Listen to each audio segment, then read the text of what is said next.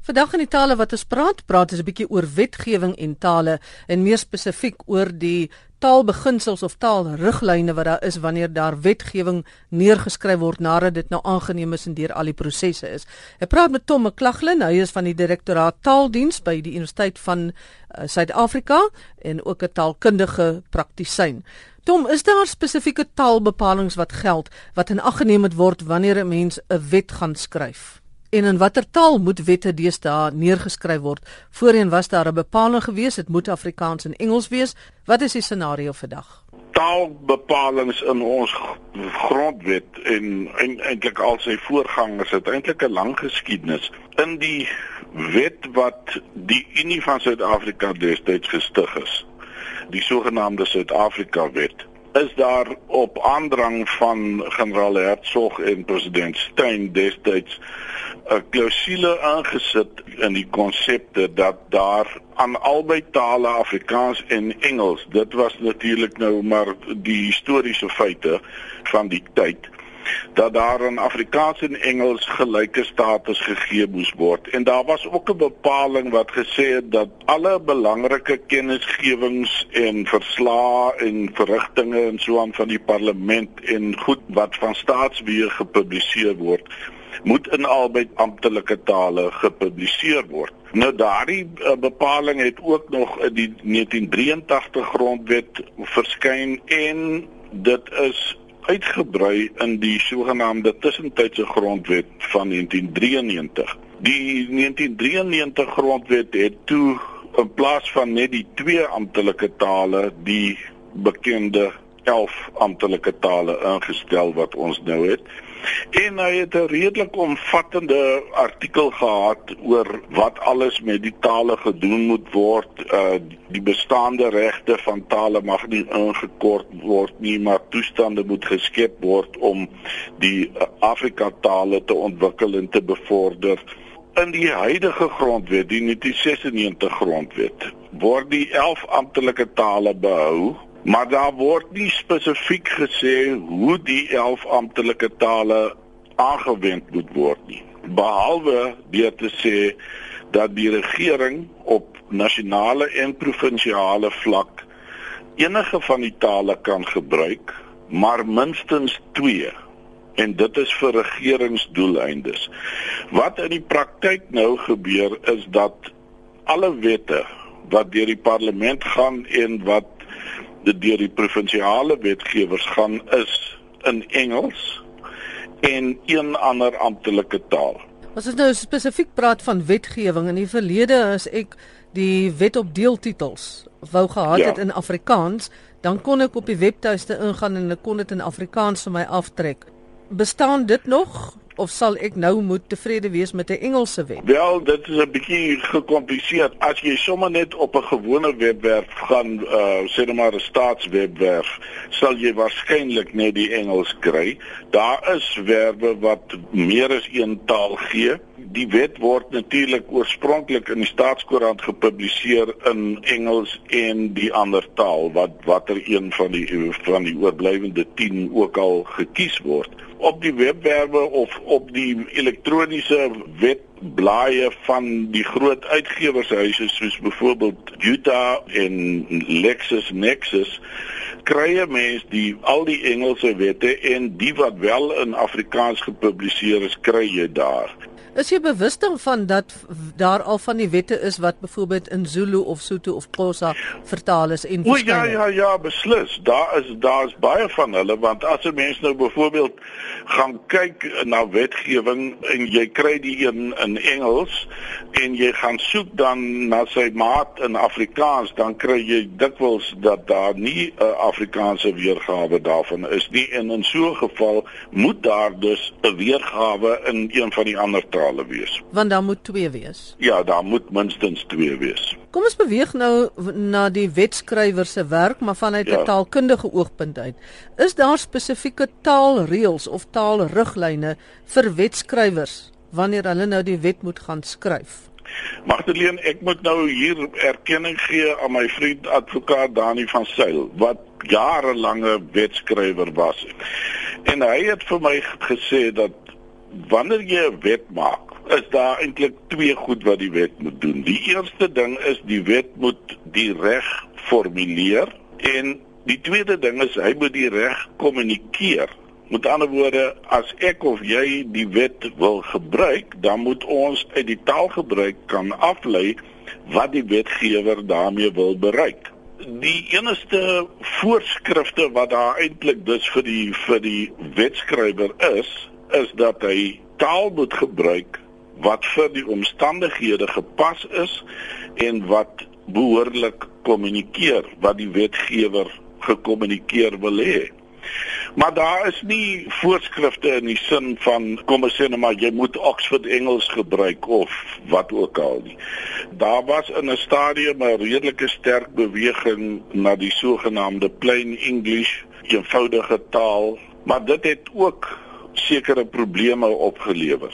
So daar is nie vaste voorskrifte nie, maar 'n mens kan aanneem dat die wet normaalweg in die standaard variëteit van 'n taal geskryf sal word. Daar is sekere voorskrifte soos die taalgebruik moet ooreenkom. Gestel maar jy het 'n wetswysiging, dan moet die wysigingswet moet taalkundig en terminologies ooreenstem met die hoofwet, die een wat jy nou op die ou end wil wysig. So daar is sekere praktiese goed, maar nie vaste taalkundige voorskrifte nie. En dit moet natuurlik dan die taalkundige aspekte moet ooreenstem met die wetsaspekte. O ja, natuurlik, want jy moet kyk omdat die wet die reg moet saamvat en moet oordra en uh, kommunikeer is daar sekere formulerings of maniere van sê wat al deur die jare 'n bepaalde betekenis gekry het? En uh 'n mens moet nie sommer daarvan afwyk nie. Veral die uh, wette wat met mekaar verband hou nie. Want dan begin daar verwarring ontstaan wanneer 'n hof byvoorbeeld 'n bepaalde wet moet uitlê Jy luister na die tale wat ons praat. Ek is Magdalene en my gas is Tom McLaughlin en ons praat oor die taalbepalinge of die gebruik van taal wanneer jy nou 'n wet in die wetboek gaan neerskryf. Tom, As daar in die wet op 'n sekere manier met die taal omgegaan word, sekere woorde of uitdrukkings of benamings wat daar genoem word, is dit bepalend? Is dit verpligtend dat 'n mens dit so moet gebruik in die die gewone normale lewe? Nee, ek ek, ek dink beslis nie so nie, want onthou nou wetgewing is 'n formele amptelike styl wat eintlik gevolg word. Dit hang absoluut af van wat jy wil kommunikeer. As jy byvoorbeeld stukke wil indien by die hof of 'n prokureur skryf 'n brief om jou buurman in die kompleks ehm um, aan te spreek oor een of ander ding, dan sal hy natuurlik die wetstyl gebruik en dit uh, doen. Maar as ek en jy met mekaar gesels hoef ons nou nie frases te sê soos ex officio en met dien verstande en daar dien gelet te word op in sulke soort van goed nie. Nee, dit is nie in daardie opsig voorskriftelik. Dit hang af van die omstandighede waarin jy die taal gebruik natuurlik. Kom ons gaan kyk na spesifieke woorde. Die woord grondwet word nou gebruik in die Afrikaanse ehm um, weergawe. Ja. Is ek nou verplig om op radio te praat van grondwet of kan ek maar praat van konstitusie? Soos in baie gevalle met taal Ek dink nie iemand het al ooit voor 'n hof gedag of wat omdat hy swak taalgebruik gepleeg het of verkeerd gespel het of so iets nie. En dieselfde gaan hier gebruik as iemand nou in 'n in 'n onderhoud praat van ons konstitusie. Ek dink nie enigiets gaan gebeur daaroor as gevolg daarvan nie. Maar 'n mens moet onthou dat dit 'n kwessie is van naamgewing in baie opsigte. Die wet het 'n amptelike naam genaamd die dit word die kort titel van die wet genoem. En in hierdie geval word die kort titel van the Constitution of the Republic of South Africa is in Afrikaans amptelik die grondwet van die Republiek van Suid-Afrika. Om nou 'n ander naam aan die wet te gaan gee, kan in sekere omstandighede natuurlik verwarrend wees. Maar of jy nou gaan praat van die wet op inkomstebelasting of die inkomstebelastingwet of wat die geval ook al mag wees, gaan absoluut geen verskil maak in die normale gang van sake nie. Maar as dit vir regsdoeleindes is, dan moet 'n mens die korrekte name van wette byvoorbeeld gebruik.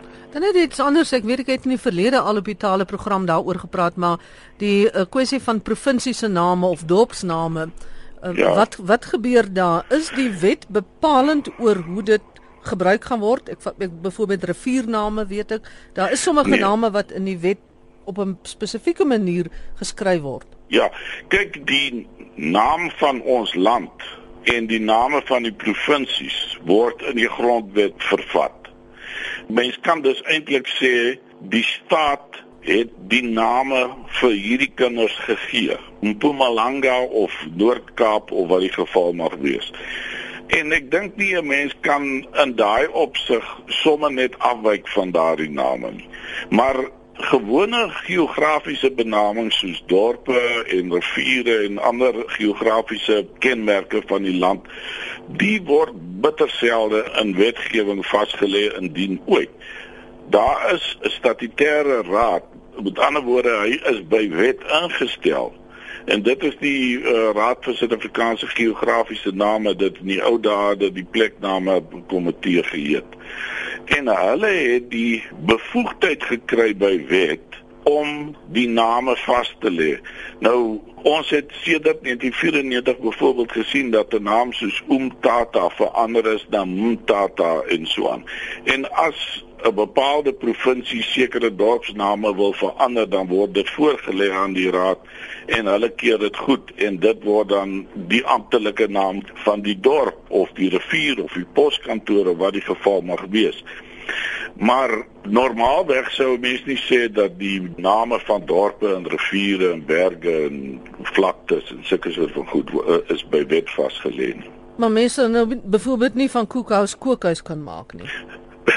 Wel, dit sal afhang of die raad al twee name goedgekeur het, want dit gebeur baie dikwels. Ek het nou ongelukkig nie 'n plekname lys hier ter hand wat ek nou hierdie bepaalde geval kan naslaan nie. Maar as 'n mens nou byvoorbeeld gaan kyk na 'n naam soos Kaapstad wat inderdaad al twee die Engels en Afrikaans word amptelik erken. Ek dink uh, Grahamstown en Gramstad is nog so 'n geval maar Queenstown en King Williamstown nie. So dit hang uit en uit af van hoe die, die mense dit aan die raad voorgelê het en hoe dit goedgekeur is. Daar's dikwels ook byvoorbeeld 'n spellingprobleem of 'n skryfwyse probleem met name wat op park eindig.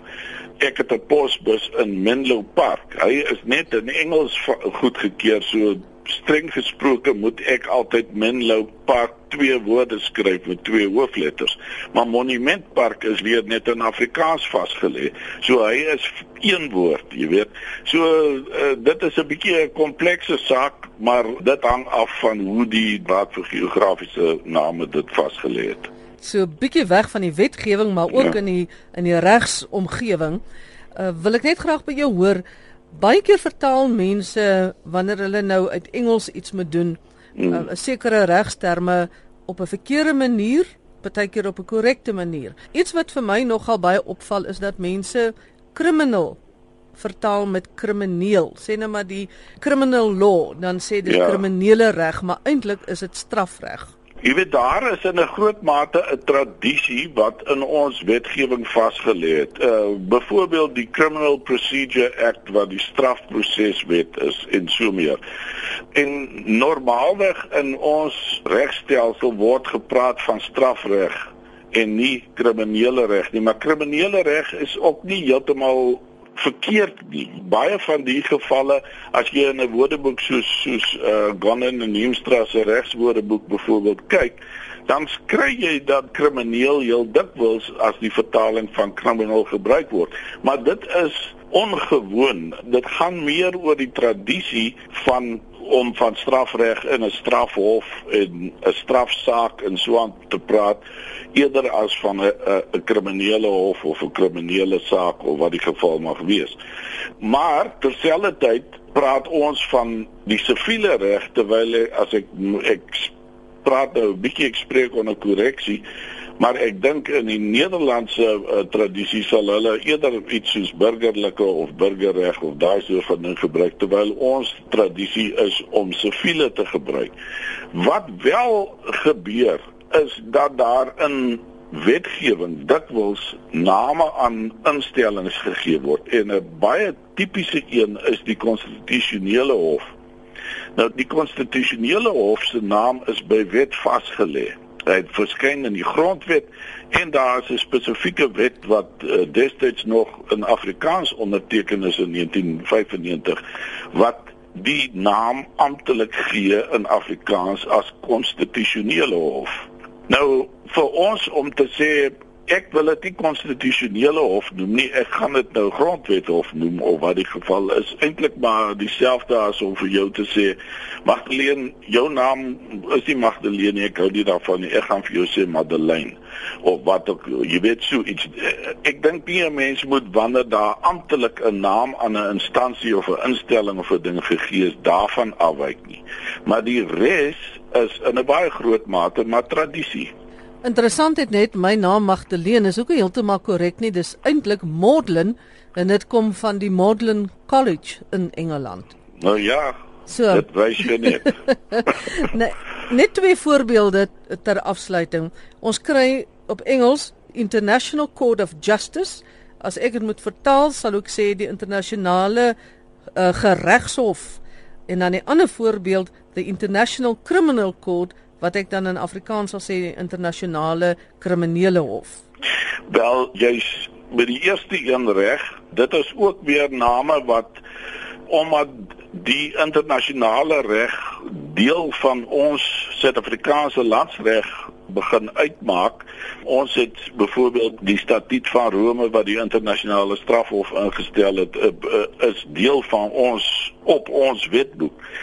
En die twee name is wat in ons wetgewing gebruik word is die internasionale geregshof vir die, vir die International Court of Justice, maar die International Criminal Court is die internasionale strafhof. Weereens is dit nou maar die name wat in ons wetgewing uh, opgeneem is en dit sou net miskien nie heeltemal 'n wyse ding wees om in formele omstandighede in elk geval, jy weet, 'n ander naam toe te ken aan so 'n instelling nie. Nou ja, Tom, daar is nou gekom aan die einde van vandag se program. Dankie vir jou deelname, Tom McLaughlin van die Direktoraat Taal by Unisa en ook 'n taalpraktisyn. Dankie ook dat jy as luisteraar geluister het. En dan het ook vir jou so 'n bietjie huiswerk wat jy hierdie week kan gaan doen.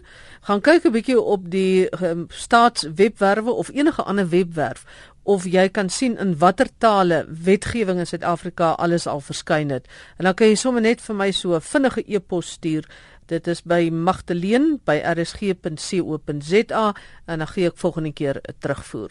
Groete van my, Magteleen Kreer, tot daardie volgende keer waarvan ek praat.